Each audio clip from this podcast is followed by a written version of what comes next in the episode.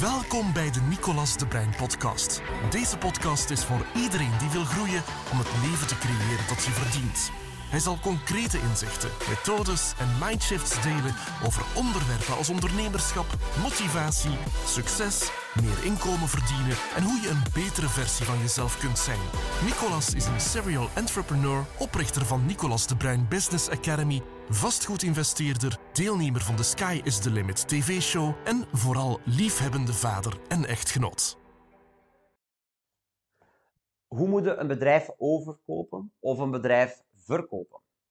Er zijn verschillende aspecten. Eerst en vooral, ik heb er verschillende verkocht en verschillende gekocht. En er zijn aspecten die belangrijk zijn, zowel als koper als verkoper. En die zijn anders. Als koper vind ik het belangrijk, logisch, dat de prijs laag is. Maar daarnaast de onderhandelingen zijn totaal anders. En ik ga even dieper ingaan, want het is niet wat je denkt. Als je een bedrijf koopt, en zeker als je een vennootschap koopt, moet je heel erg opletten, want je neemt al het onverborgene, het verleden van de vennootschap mee. Zoals er nadien een controle komt, neem nu vandaag neem het bedrijf over.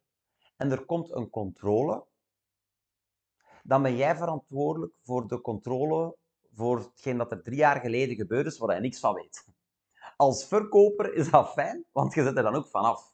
Maar besef dat als koper. Hoe kun je dat verwerken? In de overeenkomst. Dus in de overeenkomst als koper wilde zo'n dik mogelijk een bundel krijgen om u ja, zoveel mogelijk te ontlasten. En als verkoper wilde de bundel zo dun mogelijk houden. Want elk moet voor zijn rechten. Hè, wees altijd eerlijk, bedrieg nooit, want vroeg of laat komt het altijd terug. Wees geen bedrieger. Maar natuurlijk, ga, elk moet is verantwoordelijk voor zijn eigen rechten. Elk moet vechten voor zijn eigen rechten. En daarom is het belangrijk voor die rechten even neer te schrijven op papier.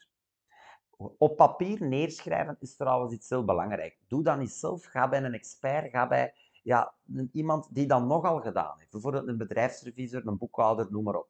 Advocaten zou ik daarom ook gaan inschakelen.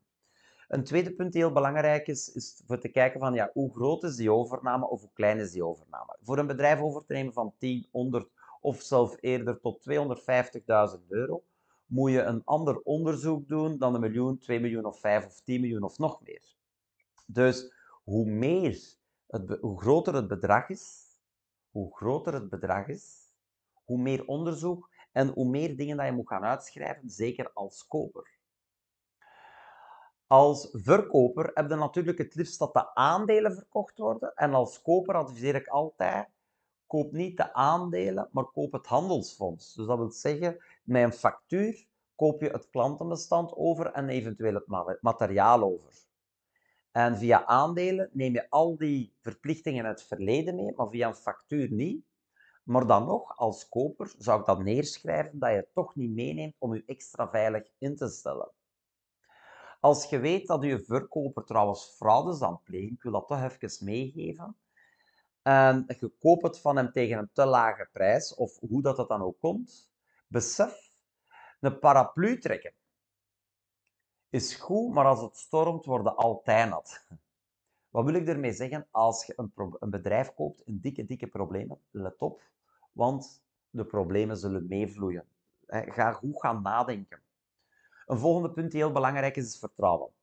Als ik zelf een bedrijf zou verkopen of aankopen, er zijn altijd dingen dat je vergeet. Zelf hoe groot, zelf, zelf een Elon Musk hè, eh, die bedrijven overkoopt, je ziet dat er dingen altijd op het laatste nog tevoorschijn komen dat je niet aan verdacht hebt. Dus dat is bij iedereen. En dat zal bij u ook zo zijn. Zowel als koper als verkoper. En daarom vind ik het heel belangrijk, werk met mensen samen dat je ziet dat je kunt vertrouwen. Vertrouwen is zo'n belangrijke. Als ik zelf zie, en ik mag heel veel interesse hebben in, hè, in de vennootschap of in de aankoop van het bedrijf, ik zal nooit de deal laten doorgaan als de mensen niet vertrouwen.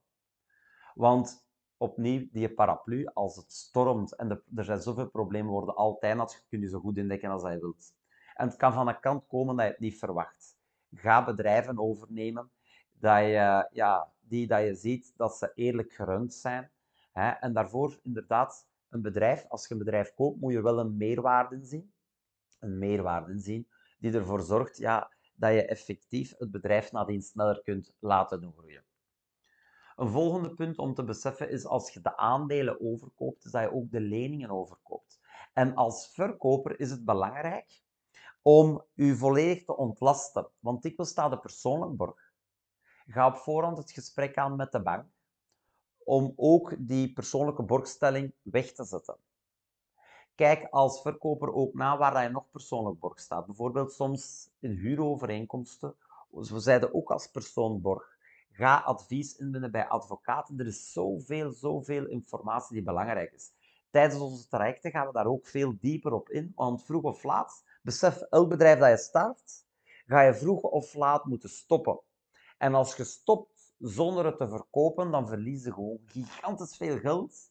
Plus, je kindje dat je grootgebracht hebt, laten dan afsterven. Creëer iets die verder kan langer bestaan dan jezelf en structureer het ook op die manier. ga ermee aan de slag. werk aan dat model. Werk aan die structuur. Nu, als je nog meer inzichten hierover wil weten, ik heb, al, ik heb een volledige lijst. Ik zou zeggen, kom eens langs op een van onze events. Deel hieronder, als er echt iets is, oh, dat wil ik echt weten, Nicolas, zet dat hieronder. Like deze video, deel deze video en dan hoop ik je snel terug te zien. Tot binnenkort. Bedankt voor het luisteren naar de Nicolas de Bruin podcast. Voor meer informatie, business tips, gratis trainingen en om meer te weten te komen over onze komende evenementen, bezoek www.ndba.be en volg Nicolas op Facebook, YouTube en Instagram.